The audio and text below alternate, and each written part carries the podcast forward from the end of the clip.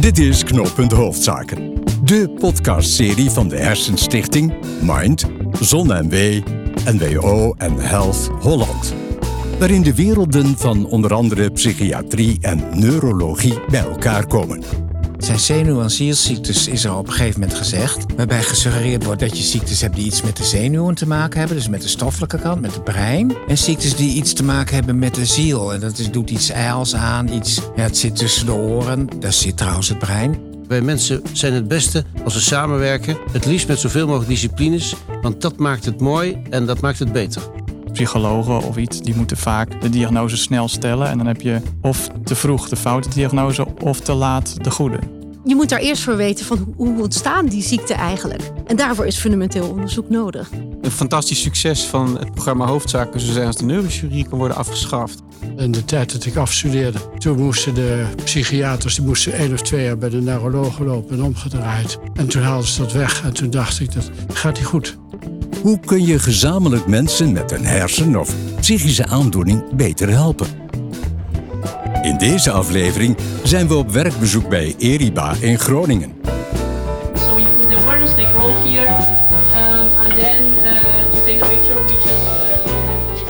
Ja, in eh, dit gebouw van het UMCG, European Research Institute for the Biology of Aging. Hartelijk welkom bij aflevering 3 van Knooppunt Hoofdzaken. Mijn naam is Inge Diepman en ik ben met een zeer gevarieerd gezelschap. Ze zitten hier allemaal nu om ons heen. Hebben we een rondleiding gekregen door het gebouw. Prachtig gebouw. Veel jonge mensen aan het werk, zag ik, die wij wellicht een beetje hebben gestoord. We hebben in een lab door een microscoop eh, gekeken naar eh, groen oplichtende wormpjes. We hebben uitleg gekregen over mooie samenwerkingsprojecten. En wat we doen in deze podcast is met elkaar de inzichten die we tijdens het bezoek met elkaar hebben gedeeld nog eens verder uitdiepen. Hartelijk welkom Teus van Laar. Dank voor ook jouw gastvrijheid, hoogleraar neurologie aan het UMCG. Hartelijk welkom Menno Oosterhof, kinder- en jeugdpsychiater bij Akare, allemaal met pensioen. En dat is eigenlijk heel jammer, want we staan op een keerpunt, zei je mij net. Want er gebeurt heel veel binnen de hersenwereld. Je bent ambassadeur van hoofdzaken. Ik vond het wel heel erg grappig. Wij zaten hier aan deze tafel te eten met elkaar, waar nu de microfoons staan. In een eh, ruimte waar volgens mij ook getafeltennist wordt. En Marines, die straks in blok 2 aan het woord komt, die kwam binnen en die kwam echt rechtstreeks uit de OK. En toen zei jij, ja, dat zijn de echte dokters, Ja. hè? Ja, dat klopt, ja. En toen, en toen zei eh, Mark, een collega van Marines, die hier eh, ook is uit de belangstelling, een neurochirurg, die zei: Ja, maar wij praten niet. Nee, dat is waar, dat is waar. Maar oh ja, dat is waar. Dus, zijn dat de twee werelden? Nou, ik wou dat het niet zo was. Ik wou dat je gewoon domweg zei, praten en beleving en dat soort dingen hebben natuurlijk heel veel ook te maken met de fysieke kant van het geheel. Maar de de werelden, zeker bij de neurologie en de psychiatrie, zijn wel redelijk uit elkaar gegaan. Het zijn, het zijn zenuw- en zielziektes, is er op een gegeven moment gezegd. Waarbij gesuggereerd wordt dat, dat je ziektes hebt die iets met de zenuwen te maken hebben. Dus met de stoffelijke kant, met het brein. En ziektes die iets te maken hebben met de ziel. En dat is, doet iets ijls aan, iets... Ja, het zit tussen de oren. Daar zit trouwens het brein, of iets hoger, maar goed. En, en dat heeft dus de, naar mijn idee ertoe geleid, mede dat psychische aandoeningen ook minder serieus genomen worden. Omdat het gedacht wordt, het is iets ijls en als je maar wil, dat is het verschil en, en dat soort dingen. De beweging om te zeggen van laat het weer naar elkaar toe groeien, juich ik van harte toe. Ja. Nou, nou spreken wij in deze podcast, maar ook binnen hoofdzaken over psychische en of neurologische aandoeningen, hersenziekten. Ik hoorde jou daar ook een opmerking over maken, Nou, Menno. je En ik dat vroeg me ze- af dat hoe, ze zich in- hoe in- Teus in- daarover denkt. Oh, oké, Ja. sorry. Ja. Ah, oké. Is, is dat, jij zei het is een beetje krampachtig, Menno, zo net eh, in het eh, oratorium. Maar wat, wat vind jij? Ja, ik ben het volledig eens met Menno natuurlijk. Psychiatrie is over hetzelfde substraat, om het maar even zo te zeggen. Dat gaat over hersenziekten en functionele veranderingen in het brein. In de ene soms uitend in een uitval, en dat is zichtbaar, een verlammingsverschijnsel, of minder kracht of eh, uitval van de zintuigen. En in het andere geval in gedragsstoornissen en in eh, andere manier van voelen. Maar het heeft, vindt beide zijn basis in het brein. Dus het is Maar moeten we dan uiteindelijk toe naar breinziekten? Ja, ik, ik denk dat dat al op heel veel terreinen gebeurt. Hè. Als je bijvoorbeeld kijkt naar, naar waar ik me vooral mee bezighoud met een aandoening als Parkinson, daar komt dat ook de hele dag samen. Je kunt dat helemaal niet splitsen. Sterker nog, voor heel veel mensen met Parkinson is het bewegen of de moeite met bewegen maar een relatief klein onderdeel van hun ziekte. En is zeg maar hun problemen met de stemming en met angst en paniek en met eh, hallucineren veel groter. En daarin wordt duidelijk dat één zo'n ziekte het hele brein bestrijdt. Hè. Grappenderwijs zeg ik wel eens, veel neurologen die doen eigenlijk niks met de frontaalkop en met het hele limbische systeem, wat zeg maar die delen zijn die vooral betrokken zijn met gedrag en emotieregulatie. En ja, dat is ontzettend jammer. Want eh, de gedragsneurologie is misschien wel het meest interessante deel, maar absoluut op basis van hetzelfde brein, hetzelfde substraat. Jullie juichen ook allebei het initiatief Hoofdzaken eh, Zeker. van harte toe. Nou, Ja. laten we eens eh, gaan praten over het eh, eerste blok, de eerste lijn van het Hoofdzakenprogramma. En dat gaat over het sneller realiseren van oplossingen voor de patiënt. Oplossingen voor patiënten liggen voor het grijpen. Welkom, gast nummer drie. Je complementeert het drietal. Juri Mogré, patiëntvertegenwoordiger GGZ, ervaringsdeskundige. Je kent Menno ook goed. Allereerst, we hebben hier twee, tweeënhalf uur rondgelopen. Wat is jou bijgebleven waarvan je zegt... ja, dat helpt ook de patiënt van vandaag al, als we dat aanpakken? Nou, wat vooral heel belangrijk is, denk ik, is dat de kennis die er al is, ook bekend is bij de mensen die de diagnose stellen. Want ik heb van heel veel mensen gehoord dat hè, er is wel veel bekend over vormen van OCD, maar niet altijd bij de goede mensen die ook de diagnose moeten stellen. En dan krijg je dat ze of de verkeerde diagnose krijgen. Ja, want jij hebt OCD, dus het Ik dwangstoornis. OCD, ja. Maar ik had Menno, dus ik had heel snel de goede diagnose. Maar dan krijg je dat, dat ze of de verkeerde diagnose krijgen, of ze worden bang dat ze een andere diagnose hebben en dan durven ze het niet te zeggen. Dat hoor ik ook vaker. Ik denk dat de kennis die er al is over dat onderscheid tussen eh, ziektes, dat dat niet overal bekend is. In feite, Menno, zei jij dat volgens mij ook net, hè? Van we moeten toepassen wat we al weten. En Ja, dat doen meeste- we te weinig. Jij, jij noemde een voorbeeld over brain stimulation. Ik hoorde iemand die zei de meeste vooruitgang die we op korte termijn kunnen boeken in de behandeling en diagnostiek is de kennis die er is toe te passen. En dat gebeurt nog heel weinig. Er zit nog vaak heel lang tussen eerste klachten en dat iemand inderdaad de juiste diagnose krijgt. En ik noemde toen als voorbeeld van iets waarvan ik vind dat er nog veel te weinig gebruik gemaakt wordt. Dat is die brain stimulation. Dat is een behandeling die je kunt toepassen als al het andere heeft gefaald bij dwangstoornissen. En als mensen alles gehad hebben en het heeft niet geholpen, krijgen ze nog ook van gespecialiseerde centra, vind ik te weinig te horen van, nou, dan moeten we eens na gaan denken over die brain stimulation. De vraag moet in elk geval gesteld zijn. Gebeurt gewoon heel vaak niet. Nou, ik denk niet, ik, ik, maar misschien is het bij Parkinson ook zo, maar ik denk dat als iemand heel ernstige Parkinson heeft, dat dat dan op een gegeven moment wel aan de orde komt. Teus? Toch? Ja, steeds meer. Maar ook eh, zelfs bij Parkinson is het nog zo dat dat. Er is nog niet zo lang geleden onderzoek in Zweden naar gedaan. Dat patiënten vaak al meer opties in het eh, oog hebben, omdat ze heel uitgebreid op internet kijken en allerlei lotgenotencontacten hebben. Patiëntenverenigingen die vaak erg goed geïnformeerd zijn. Zeker de Parkinson-vereniging. die informeren hun leden erg goed. En dat dat in de spreekkamer relatief laat nog steeds aan bod komt. Of hoe, niet? Hoe, hoe zou je daar ja, wat het- sneller het- actie in kunnen ondernemen? nou ja, daarom bepleiten wij heel erg zorg in netwerken. Want als je in netwerken georganiseerd bent, dan kun je een, een eh, zeg ik altijd maar simpel gezegd, een soort piramidespel spelen. Want dat betekent dat de meest basale zorg door iedereen geleverd kan worden. En naarmate het wat complexer wordt in zo'n netwerk, je precies weet waar je dan moet zijn. Tot aan, eh, nou in, in, in het noorden is eh, Groningen eh, ehm, eigenlijk met, met Enschede het enige centrum waar je diepe hersenstimulatie bijvoorbeeld kunt krijgen. Nou, dan is het heel prettig als je met elkaar een netwerk vormt, waarin heel helder is wie waar naartoe moet, in welke fase. En als je in, als netwerk functioneert, dan zal die kennis ook veel sneller Ja. Doorcijpelen. Je moet voorkomen dat er solisten blijven bestaan die denken het allemaal zelf wel te weten, want dat blijkt slecht te werken. Wij mensen zijn het beste als we samenwerken, het liefst met zoveel mogelijk disciplines, want dat maakt het mooi en dat maakt het beter. Ik vond het ook wel bijzonder, een paar uitspraken van jullie, die allebei te maken hadden met kennis die je niet hebt.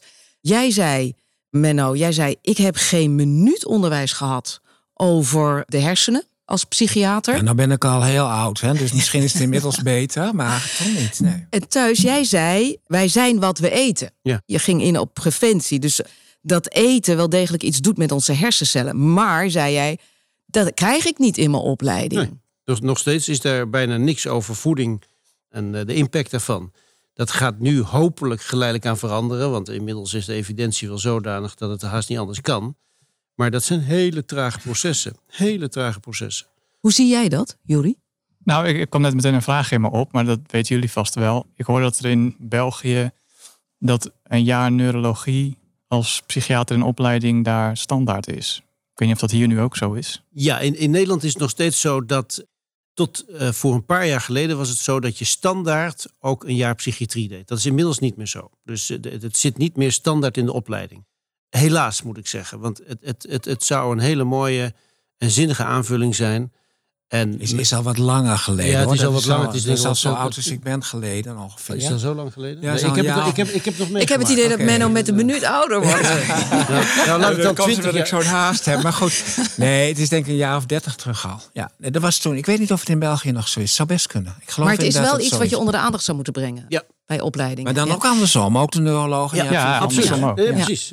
Allebei. Iets anders, uh, Juri. Jij hebt veel ervaring als ervaringsdeskundige. Jij etaleert dat ook. Hè. Je maakt podcasts. Eh, ik heb gisteren nog naar een film van jou eh, gekeken... die je twee jaar geleden hebt gemaakt... waar Menno ook eh, in aanwezig is. Ik vond het wel heel mooi, want het- die film begon... dat ging over OCD en de regie terugkrijgen. En er stond op de, nou ja, de tweede of derde seconde... stond er in beeld in opdracht van... en toen stond er niemand.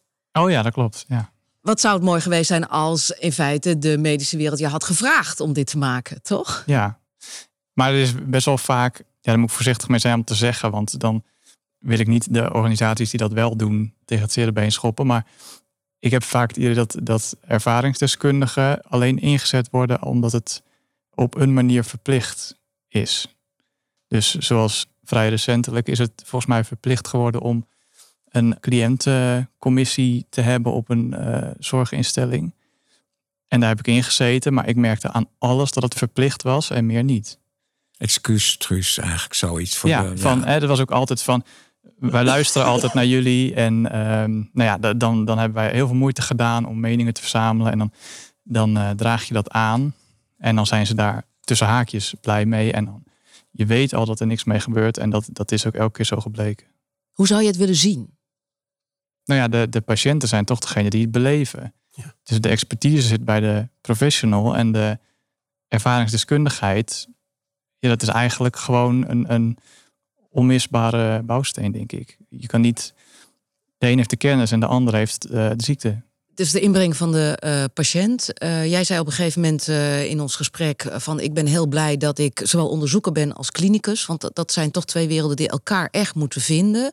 Geldt dat ook, eh, Menno, voor de combinatie eh klinicus zijn en patiënt zijn? Ja. Want jij vertelde over jouw eigen Ja, nee, maar dat, dat is, nou ja, ik wil niet zeggen dat ik het een fantastisch vind dat ik het heb. En heel veel patiënten zeggen mij, ik ben zo blij dat je het ook hebt. Zeg ik, nou, ik niet. Maar eigenlijk, eigenlijk in een bepaalde zin wel toch. Niet, je hoeft niet een dwangstoornis te hebben om een goede behandelaar te zijn. Maar het helpt wel. Mensen zeggen ook soms tegen mij, aan jou durf ik het wel te vertellen, maar je hebt het zelf ook. Dus ik krijg meteen een bak vertrouwen. Dus in die zin is het ook van belang. En om, nou ook gewoon trouwens ter vermindering van de vooroordelen. Het van, ik heb wel eens gezegd van als je psychiater bent en je hebt ook een aandoening, kom je op tv. Een oogarts met een bril vindt iedereen normaal. Maar, Ja. maar het betekent wel dat die ervaringsdeskundigheid heel erg belangrijk is. Hoe zet Ja. jij ze in bij Parkinson? Kunnen we dat nog beter? Hè, kunnen we dat beter inzetten waardoor je alle ervaring die er al is. We gaan zo praten over hoe zorg je voor onderzoek wat de patiënt van morgen kan helpen. Maar dat je die ervaring die er al is en die we dus ongebruikt op die plank laten liggen, beter inzetten. Tijd.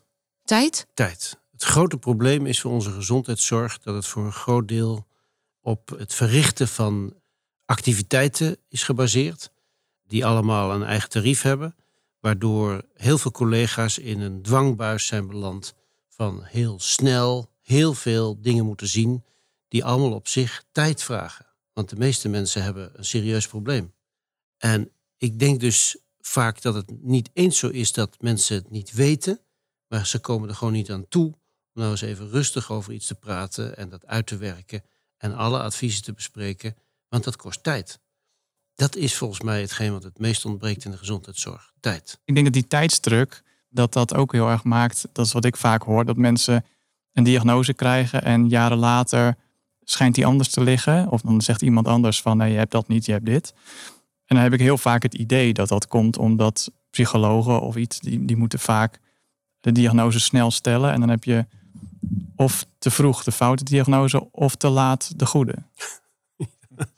In beide gevallen helpt het Ja. meer. En dat als er meer tijd is, als je zegt van nou, we weten het nog niet, laten we er tijd voor nemen. En dat het wel uitmaakt. Ik zou de tijd willen hebben om heel lang met jullie door te praten. Maar we gaan naar het volgende blok. Ik zie jou straks nog heel eventjes terug. Je zit eh, weliswaar, geloof ik, niet eh, gepland aan tafel. Maar ik wil jou nog even wat laten vertellen over het consortium. Dat komt straks in eh, blok 3. En dan heb ik het tegen Teus. Voor nu dank Juri Mogré, Teus van Laar en Menno Oosterhof. De tweede lijn van de hoofdzaken gaat over de lange termijn. Het realiseren van oplossingen voor de patiënt van morgen. Door kennis over aandoeningen te combineren en te delen. Op zoek naar aandoening overstijgende overeenkomsten. Terwijl hier af en toe een eh, deur open gaat en een eh, deur dicht. Omdat we hier in een eh, aanloop zitten. In een prachtige ruimte overigens. Maar van mensen van de ene ruimte naar de andere ruimte moeten gaan. Zitten bij mij aan tafel Marinus Oterdoom. neurochirurg aan het UMCG. Wim Simons, patiëntonderzoeker voor de Parkinson-vereniging. niet praktiserend huisarts. En Ellen Nollen, hartelijk dank voor je gastvrijheid. Voor je heerlijke lunch en je rondleiding. Hoogleraar moleculaire biologie van veroudering. Hier aan het UMCG. Eh, hoe was het vanochtend op de OK overigens? Goed. Ja? Geslaagd.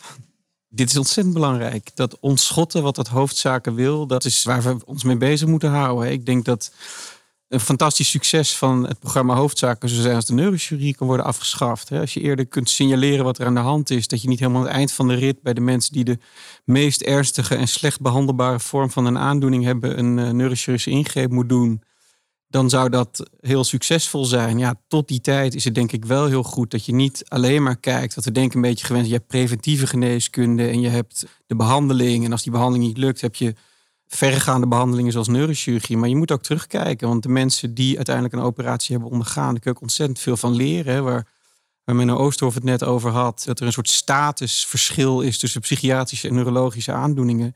Die neurochirurgische behandelingen die veranderen daar wat in. Want er zijn dus psychiatrische aandoeningen die neurochirurgisch behandelbaar zijn, waardoor dus de, het idee over aandoeningen verandert. Zo'nzelfde verhaal kan ik houden over obesitas of, of, of andere aandoeningen. Dus daarom denk ik dat het heel goed is dat wij als een soort tertiaire behandelaars van hersenaandoeningen toch bij iets aansluiten wat eigenlijk moet voorkomen dat mensen überhaupt ziek worden. Wij stonden naast elkaar naast de microscoop en allebei er even ingekeken. En eh, ik kijk niet zo vaak in de microscoop. Eh, jij veel vaker. Je vertelde me zelfs dat je weet wat de afstand tussen je ene oog en je andere oog is. Hè, dat moet je weten als neurochirurg. Ja, dat weten we allemaal. Ja, dat weten we allemaal. Je weet hem zelfs van de collega's, vertelde je. Ehm, maar je zei ja, eh fluoriserende wormpjes. Ja, die zie ik niet zo vaak. Hoe vaak heb jij contact met het fundamenteel onderzoek? Nou, het fundamenteel onderzoek van wat we net in het lab hebben gezien, niet zoveel, maar dat is niet direct, maar wel, hè, waar ons bijvoorbeeld ook een andere vorm van neuromodulatie is nervus vagus stimulatie, waarbij een zenuw die de hersenen ingaat op zo'n manier stimuleert dat mensen misschien wat minder last krijgen van epilepsie. Toevallig bleken die mensen ook wat minder depressief te worden, dus daarom zijn psychiaters geïnteresseerd in nervus vagus stimulatie voor de behandeling van depressie.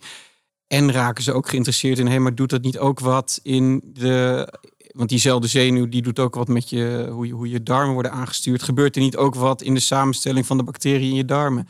En dan kom je toch met elkaar in aanraking. Maar altijd dus via een tussenstap, denk ik. Ja, dat fundamentele onderzoek. Eh, Ellen, eh, ik zag jou weer als een kind door een snoepjeswinkel eh, heen lopen. Dat deden we volgens mij allemaal. En zeker de onderzoeker van jou die ons heeft verteld wat ze daar aan het doen is. En ik hoorde jullie ook zeggen, ja, wij zien hier iedere dag weer iets wat we nog nooit gezien hebben. En dat is zo mooi. Maar het is wel fundamenteel. Waarom past dit in hoofdzaken? Waarom past dat wormenonderzoek in hoofdzaken? In, in de gedachten Ja. van hoofdzaken? Nou, ik denk in eerste instantie op je eerste vraag: waarom past eh, fundamenteel onderzoek in hoofdzaken? Dat is omdat we vandaag ook gehoord hebben dat er eigenlijk. Je kunt heel veel van die ziektes nog niet voorkomen, zoals Parkinson en andere aandoeningen. Vooral aandoeningen die te maken hebben met veroudering. Dus je moet daar eerst voor weten van hoe- hoe ontstaan die, die ziekten eigenlijk. En daarvoor is fundamenteel onderzoek nodig. Dus je moet helemaal terug naar de basis. Wat zijn de mechanismen die eraan ten grondslag liggen? Om daarop te kunnen ingrijpen Ja. uiteindelijk. Dus dat basaal onderzoek, dat is niet iets natuurlijk... dat is voor de lange termijn, daar hebben we het nu ook over. Maar dat is noodzakelijk. Ja, maar je, legde al de wel de link. Ja, je legde, de link naar. Waar zit hij nou? Intussen Teus? Ja, Hè? Teus. Ja. Zijn onderzoek. Ja, want eh, leg dat eens uit. Waarom heeft dat een link met Parkinson? Die Eh, wormen die wij zagen. Die wormen, nou, daar wormen, daar hebben we eh, iets wat je in de hersenen van Parkinson-patiënten ziet, hebben we nagebootst in die wormen. En heel veel van de dingen die je terugziet in Parkinson, die zie je daar ook in terugkomen in die wormen. En omdat ze genetisch heel veel op de mens lijken, en ook qua hoe hun zenuwen in elkaar zitten, hoe hun zenuwen werken, kun je ze gebruiken om te zoeken naar eh, mechanismen en manieren om die Parkinson-effecten, noem ik het maar even, te voorkomen of, of, of eh, te verminderen. Maar dat, dat is misschien wel iets wat zich niet beperkt tot Parkinson alleen. Dat klopt, want eigenlijk de dingen die we tot nu toe vinden zijn altijd eh, eh, gebaseerd op dingen die te maken hebben met ehm, veroudering. En we hebben dus een aantal dingen al gevonden die ook van toepassing zijn. We hebben ook van die wormpjes, niet alleen voor Parkinson, maar ook voor ALS en voor Alzheimer en voor Huntington. Ja, voor de luisteraar overigens zijn niet van die hele grote wormen die eh, uit de aarde schept. Nee, het zijn Nou millimeter ja, grote mini, mini, mini, mini ja, ja, Ja, je kunt ze alleen door de microscoop zien. En op een heel klein plaatje, zo groot als een, een kopje. eh, daar zitten er 2000 of zo. Dat zijn hele kleine dingetjes. Hele kleine wormen. Daar hebben we dus modellen voor al die verschillende neurodegeneratieve ziekten. En de interventies die we hebben gevonden, die werken voor allemaal. Dus het zit op een heel basaal mechanisme wat eh, in veroudering gebeurt. Wat de grondslag ligt aan of wat de gevoeligheid versterkt voor die, die ziektes. Ja, maar Dus- verouderingsonderzoek is per definitie, denk ik, aandoeningsoverstijgend, of niet? Ja, dat is inderdaad zo, ja. ja. En dat is in het hele instituut eigenlijk zo. Je doen allemaal verouderingsonderzoek. Daarom zei je aan het begin, toen je ons in deze ruimte Ja. ontving eh, bij eh, de lunch, van het is zo leuk, eh, hoofdzaken, want wij doen het eigenlijk al. Wij doen het eigenlijk al. Ja. Ja. Wim, hoe kijk jij daar eh, tegenaan? Zowel als patiëntonderzoeker als, je bent niet praktiserend huisarts, maar je bent huisarts geweest. Hoe kijk jij tegen fundamenteel onderzoek aan?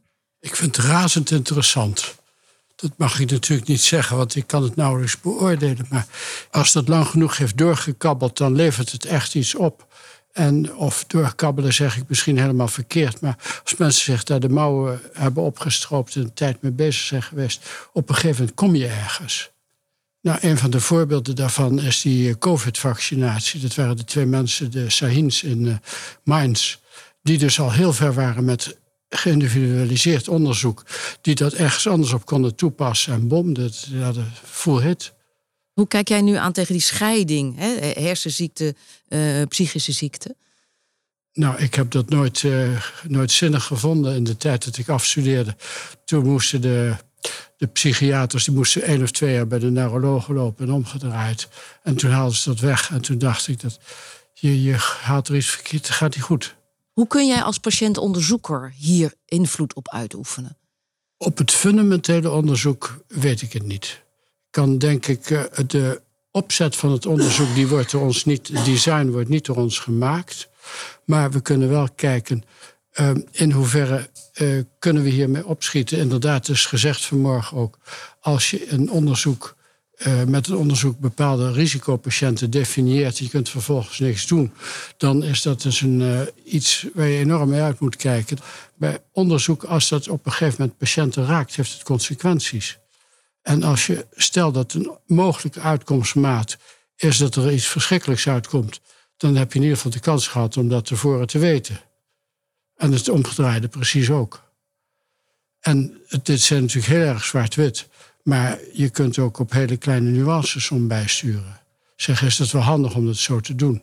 Wij hebben alleen maar ervaringsdeskundigen. Dus wij doen operaties, eh, die- die- diepe hersenstimulatie-operaties. En dat heeft een bepaald resultaat. En dan vragen we mensen hoe is het gegaan. Dus het is het enige wat we hebben. En toch gebruiken we het nog veel te weinig. Want de inspanningen die we proberen te doen. eh, en dat, dat is, blijkt heel veel moeilijker te zijn dan je zou zeggen. Is dat we natuurlijk van elkaar willen leren. Dus we proberen in, in Nederland. Ken ik alle neurochirurgen die DBS-operaties doen.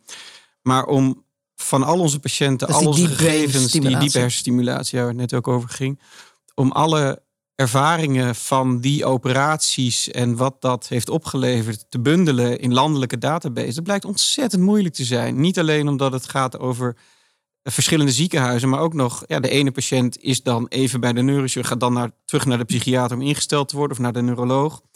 En om de gegevens die wij uit de operatiekamer hebben, van waar we de elektroden precies geplaatst, te koppelen aan uh, welke medicijnen hebben ze daarna gekregen en hoe is die, dat diepe hersenstimulatiesysteem ingesteld. Dat blijkt heel erg ingewikkeld. Dus het is de enige ervaring die we hebben, maar om hem echt goed te gebruiken, om hem ja, fundamenteel te gebruiken, dat blijkt heel ingewikkeld. Maar daar, ja, daar doen we heel erg ons best voor op dit moment. Ja, want al die data van jullie, waar komen die terecht? We, we, we zullen in het derde blok ook over data wat meer gaan hebben. Maar als ik kijk wat jullie gebruiken dat gaat van genoom, uh, eiwitonderzoek, uh, de microscopie natuurlijk, bioinformatie, celisolatie, veel aandoeningsoverstijgend.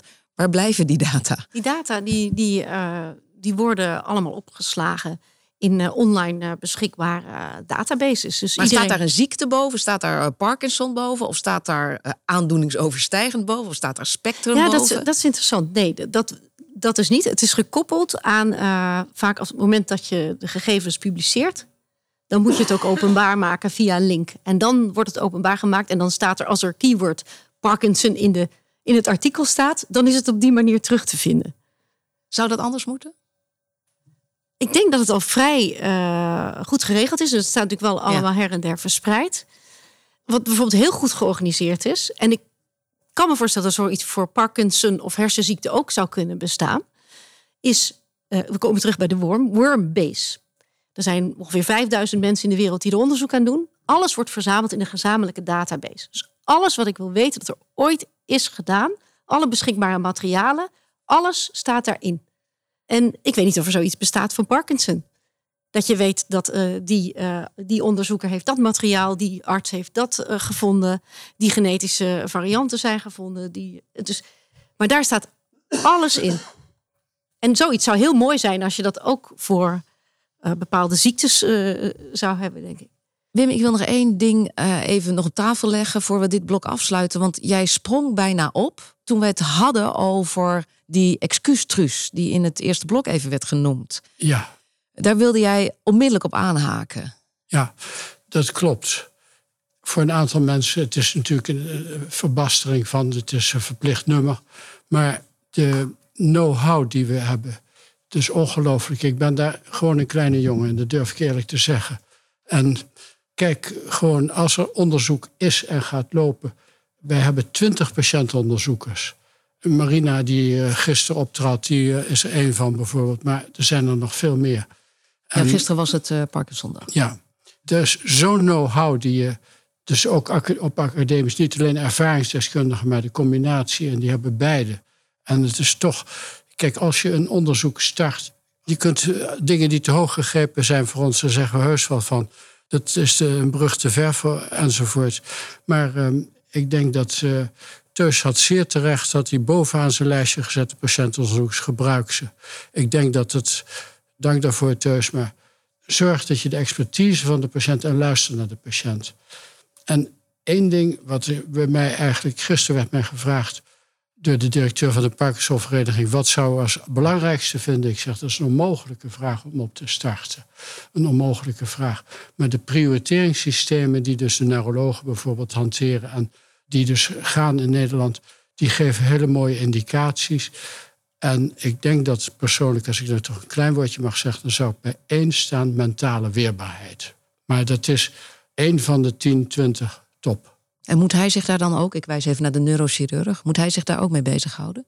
Ja, het is als je een patiënt gaat opereren, dan is het heel belangrijk wat voor weerbaarheid hij heeft. Ook het hoofd. Ik schrijf verwijt, maar. Ik zie Marines Zo. echt nadenken. En... Ja, ik, ik, ik ga even door mijn hoofd de mensen die ik opereer. En ik realiseer me heel goed hoe kwetsbaar ze zijn en hoe belangrijk ook zo'n DBS-operatie is. Het is niet iets van, uh, ik heb gisteren mijn been gebroken, vandaag moet het geopereerd worden. Die ziekte is er vaak al 10 of 15 jaar en ergens halverwege leren mensen over DBS. Dus ik opereer ook mensen met andere aandoeningen. En mensen die, die over DBS nadenken, die zijn vaak verrekte goed geïnformeerd. Dat is misschien niet hetzelfde als mentale weerbaarheid. Dus ik zit even te denken hoe ik dat, nee, hoe ging, ik dat moet vertalen. Nee, dat hoef je ook niet te vertalen naar zoiets specifieks. Maar ik denk wel dat zeg maar, allerlei postoperatief herstel. Daar speelt het bijvoorbeeld, denk ik, zeker een factor in. Dat is een fantasie, maar niet wetenschappelijk onderlegd. Maar ik denk dat dat past. En dat geldt trouwens voor, hele, voor, voor alles, voor de psychiatrie ook. Om neem de patiënt met je mee. Ik zou dit gebaar willen maken. Dat is het armgebaar. Hè? Je wil Ja. iemand eh, de arm Neem op de schouder mee. leggen. En kijk waar je samenkomt. Menno, ik zie jou heel onrustig op je stoel eh, zitten, verderop in het eh, lokaal. Wil jij iets? Ja, maar je moet even bij de microfoon komen. Ja, anders is jouw stem eh, wat. Jouw stem is niet te missen, maar voor de luisteraar Nou, moet hij even- vlakbij ik wou eh, de even op microfoon. wat Ellen net zei, hè, van zo'n database waar alles te vinden is. Ik denk dat, dat, dat ook voor patiënten hun weerbaarheid goed is als je gewoon... Hè, internet maakt die mogelijkheden natuurlijk nu heel erg makkelijk. Ik had wel eens een ideaal, heb ik eigenlijk nog steeds, van een Ocepedia... waarin alles wat er over dwang bekend is te vinden is gewoon. Nu moeten mensen het vaak nog bij elkaar schapen en dat soort dingen. Heel veel dingen staan er überhaupt nog niet in het Nederlands. En wat jij ook noemt, het, het blijkt best ingewikkeld te zijn om alle kennis die we hebben, om die op een manier bij elkaar te brengen. Maar de mogelijkheden zijn er met de computer natuurlijk wel heel erg gekomen. En daardoor hoop ik ook dat het. Dat bijvoorbeeld de tijd die er tussen eerste klachten en diagnose ehm, zit, dat die echt duidelijk verkort. En dat gebeurt ook omdat mensen nou, dus aanmerkelijk weerbaarder zijn geworden, omdat kennis zoveel beter toegankelijk is. Dus kennis vermindert niet alleen smart, dat hadden we het net over. Ja, Ja, er werd- verhoogt ook de weerbaarheid. Mag ik jullie eh, hartelijk danken voor eh, deze ronde. Marinus eh, Autodoom, Wim Simons en Ellen Nolan. De derde lijn van hoofdzaken betreft het beter delen van kennis en data door een goed werkende kennis- en innovatiestructuur. Het samenbrengen van mensen en data. Aan tafel zitten nu eh, Ilse Broeders, projectmanager innovatie en research bij Lifelines. Hanny Dam-Wiggers, zij is patiëntvertegenwoordiger GGZ. En Liedewij Wolters, senior eh, onderzoeker en GGZ-psycholoog bij Akare. En werkzaam bij de Universiteit van Groningen. En ik zie ondertussen dat de kar met thee en koffie wordt meegenomen. Maar die hebben we net gelukkig eh, gehad. Ilse, klopt het? 1 miljoen ingevulde vragenlijsten, 60 extra gezondheidsonderzoeken, 6 miljoen buisjes bloed. Je hebt eh, tijdens onze rondgang hier door Eriba over eh, lifelines gesproken. Groot onderzoek met gezondheidsdata van, ik meen, 167.000 deelnemers, klopt. En je zei op een gegeven moment, ja, 10% van de Noorderlingen vragen wij het hemd van het lijf. Ja, klopt. Wat levert ons dat uiteindelijk eh, en wat zou hoofdzaken dat uiteindelijk kunnen opleveren? Ja, wij zeggen altijd een schat aan data die eigenlijk nog maar aan, de, aan het begin staat om eh, ontdekt te worden. Want ja, we weten nu niet welke vragen eh, van de toekomst, hè, de onderzoeksvragen, er gelden. Wat we wel kunnen doen, is nu al de afgelopen 15 jaar heel veel data verzamelen van mensen die dat op vrijwillige basis willen delen voor de wetenschap. En ik denk dat het juist het bijzondere is, die diversiteit, waardoor je juist die kruisbestuiving en nou, nu vandaag gaat het over de psychiatrie en de neurologie, hoe breng je dat dichter bij elkaar? Ja, dat ligt daar ook in verborgen. En je maakte ook, of tenminste iemand zei, ja, maar dit heeft al een koppeling met eh, Eriba. Het heeft al een koppeling met eh, Parkinson. Op welke Ja. manier? Nou ja, eh, een onderzoeker van Teus heeft bijvoorbeeld al gekeken naar microbioom. Hè? Van een kleinere groep, hè, van, die, van die 10% van de noordelijke inwoners. Daar zijn ook microbioom, dus poepmonsters van verzameld. En daar nou, zijn de onderzoekers van Teus zeg maar, ook heel erg in geïnteresseerd van hoe zit die connectie. Volgens mij viel die ook vandaag al vaker, die brein-darm-as. Wij zijn Volgens niet mij de komt er nu een hele lab voorbij, klopt dat? Ja. Ja, jij ziet... Met, met ja, ja, er wordt een heel lab verhuisd. Ja. Ja. ga door. Ja, dus die antwoorden liggen daar eigenlijk in nog in ontsloten, zeg maar. En die komen nu nog zoetjes aan oppoppen. Ja, dit zijn van die populatieonderzoeken. Hier is er één, volgens mij loopt er ook een hele grote in Maastricht... en een hele grote in Rotterdam. Eigenlijk hebben alle academische centra hebben wel zo'n soort onderzoek. Wat denk ik wel bijzonder is aan deze, is dat die in de hele regio loopt. Dus in Groningen, Drenthe en Friesland. Dus je neemt eigenlijk de hele omgeving, de regio mee. Omgeving werd al aangegeven, ook een omgeving, waar groei je op? Hoe sta je in verbinding met je omgeving is ook van belang. Woon je op platteland of in een stad? Sociaal-economische gezondheidsverschillen. Dat gaat veel breder dan waar we het vandaag over hebben. Maar dat soort onderzoeken gebeuren daar dus ook mee. Dus het, het is, ja, En wat heb jij daaraan, Ilse? Jij bent eh, onderzoeker bij de Rijksuniversiteit Groningen. Je bent psycholoog bij Akare. Wat heb jij aan dat soort data? Of op welke data zit jij te wachten? Ja, we hebben niet direct iets aan deze data. We werken eigenlijk veel meer eigenlijk in een hele andere fase van de keten. Dit is ook meer om te snappen wat, wat er vooraf gebeurt. Hoe processen lopen. En wij zien natuurlijk de kinderen die op dat moment gewoon behandeling nodig hebben. En wat wij proberen te doen is eigenlijk nou ja, vanuit de praktijk te kijken van wat is er nodig? Wat gaat er, ja, wat ontbreekt er nog? En hoe kunnen we die behandeling verbeteren? En daarom... wij, wij, liepen hier net door de gang samen en toen zei je, waar ik echt wel graag pleitbezorgd voor wil zijn, is juist voor de groep waar we maar geen data voor verzamelen. Welke, welke groepen bedoel je dan? Nou, de groep voor wie de, de standaardbehandeling niet genoeg werkt, niet goed genoeg werkt. En daar hebben we uiteindelijk, denk, er zijn heel veel vragen nog onbeantwoord. De hele oorzaak van de dwangstoornis, ik richt me dan vooral de dwangstoornis, die kennen we eigenlijk niet. Nou ja, daar, daar valt natuurlijk nog heel veel groot onderzoek naar te doen. We weten gelukkig wel dat er een behandeling is die redelijk goed werkt. Maar die werkt niet voor iedereen even goed. En de kinderen voor wie dat niet goed genoeg werkt, daarvan weten we eigenlijk wel niet wat er dan het beste kan gebeuren. En die laatste groep die valt meestal uit het onderzoek. Want in onderzoek wordt de standaardbehandeling gegeven, een standaard tijd. Meestal is dat zo'n 14 weken, krijg je één keer per week die gedragstherapie, dat is standaard. En van die behandeling weten we redelijk goed hoe goed die werkt. Maar daarnaast, als je eruit valt, dan weten we eigenlijk niet zo heel goed wat je nog kan doen. En misschien moeten we meer doen van wat werkt.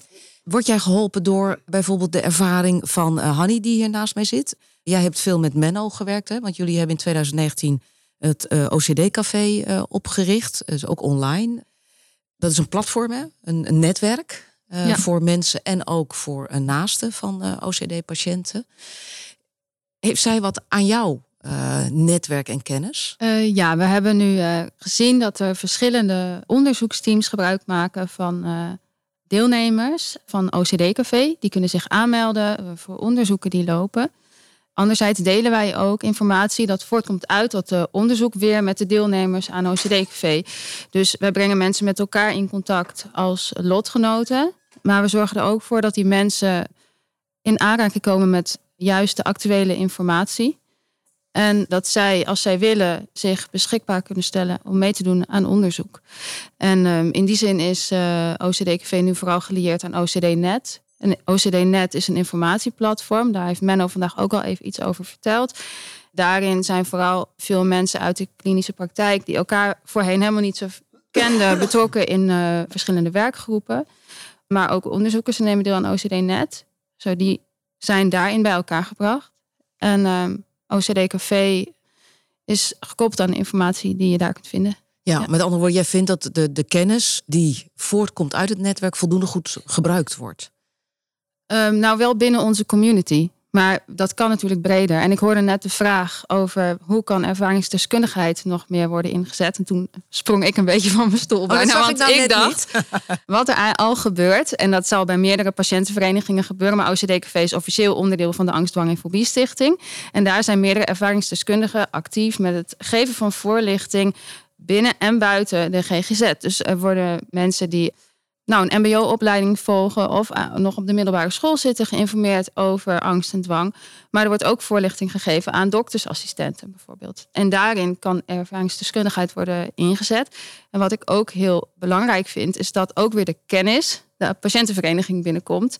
En hoe wij dat nu doen, is dat Menno bijvoorbeeld aan ons uitleg geeft over de dwangstoornis, zodat wij als ervaringsdeskundigen ook goed op de hoogte zijn nou ja, van uh, wat er op dit moment speelt wat er te halen valt aan de behandelingen. Kennis vergaren en zorgen dat dat eh, bij elkaar komt.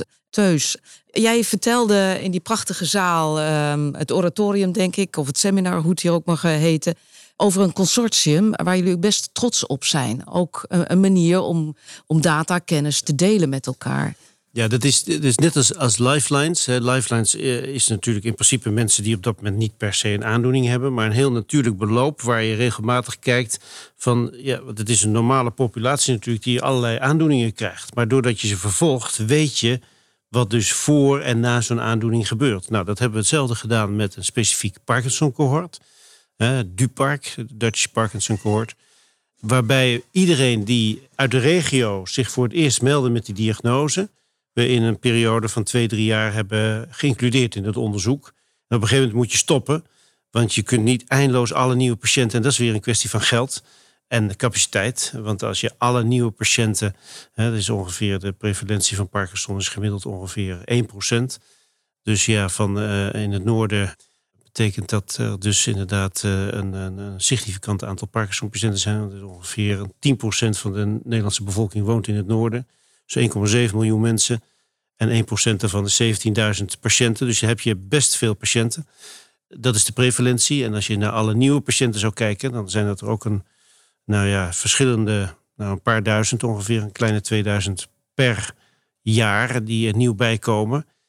Nou, dat is gewoon een kwestie van capaciteit, dat je die niet allemaal in het onderzoek kunt insluiten. Dus wij zijn al heel blij dat we een 160 patiënten hebben kunnen insluiten, die we elke drie jaar volledig onderwerpen aan een pakket aan beeldvorming, bloedonderzoek. Zitten sommige van jouw patiënten ook bij jou in Lifelines? Het zou kunnen, maar dat weet ik niet.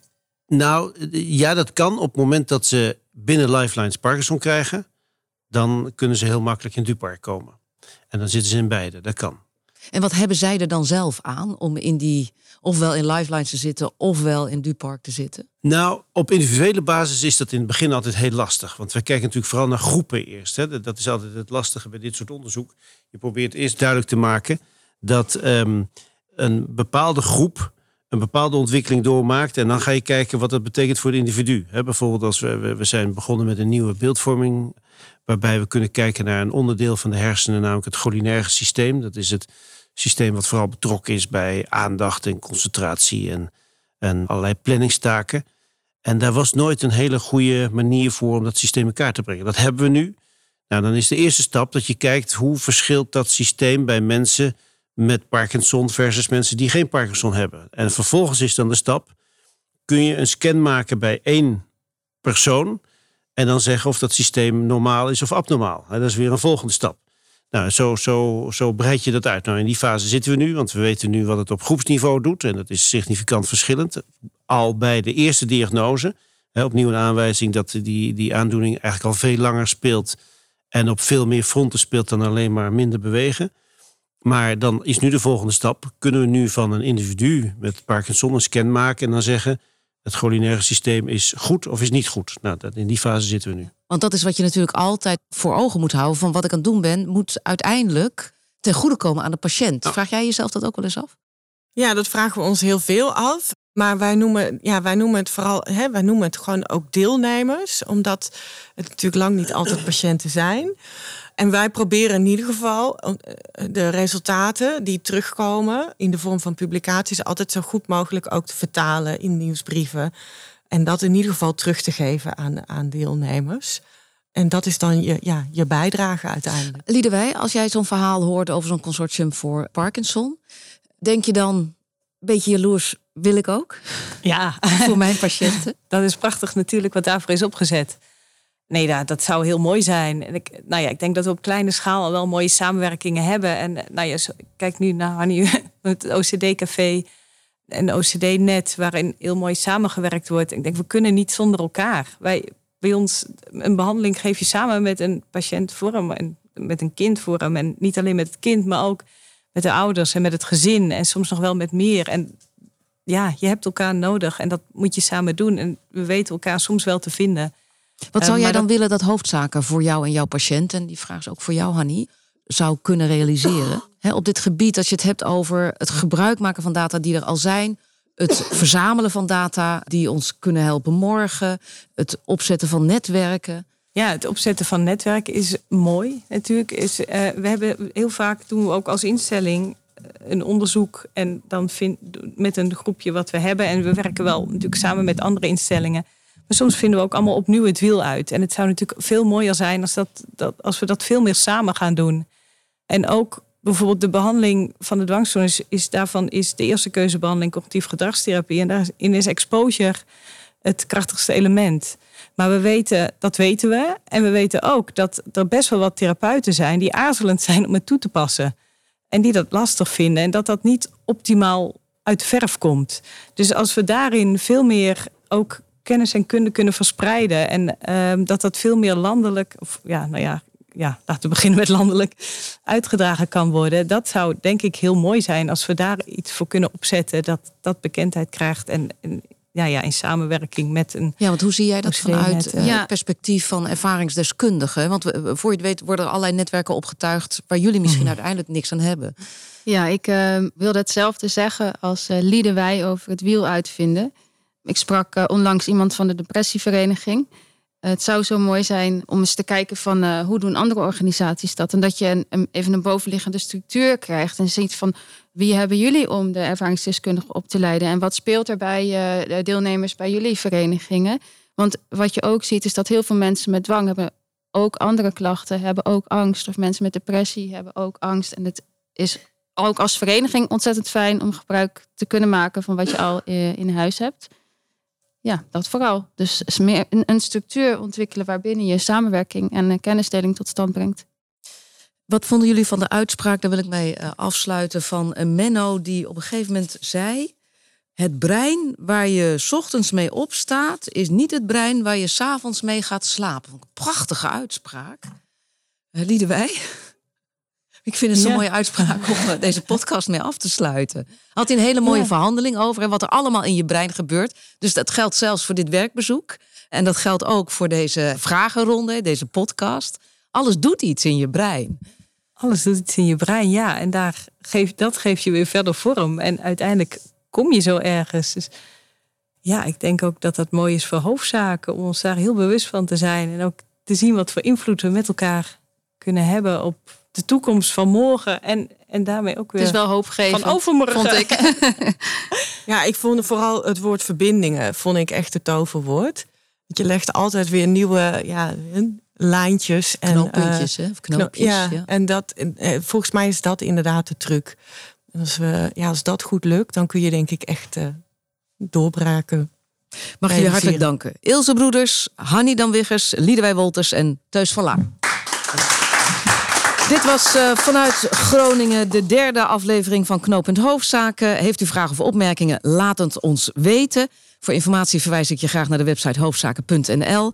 En via die weg kun je ook met ons in contact komen. Nou, laat ik dan toch nog afsluiten met de aller, allerlaatste advies van zowel Menno als Teus. Die zij ons meegaven tijdens dit werkbezoek. Goed eten, goed bewegen en toevoeging, heel belangrijk van Menno, goed slapen. Het heeft effect op de gezonde hersenfuncties. En Wim, die steekt zijn vinger op en die zegt, en stoppen met roken. Nou, dan hebben we alle adviezen gehad. Dat doet onze hersenen goed. Dank en graag tot de volgende keer.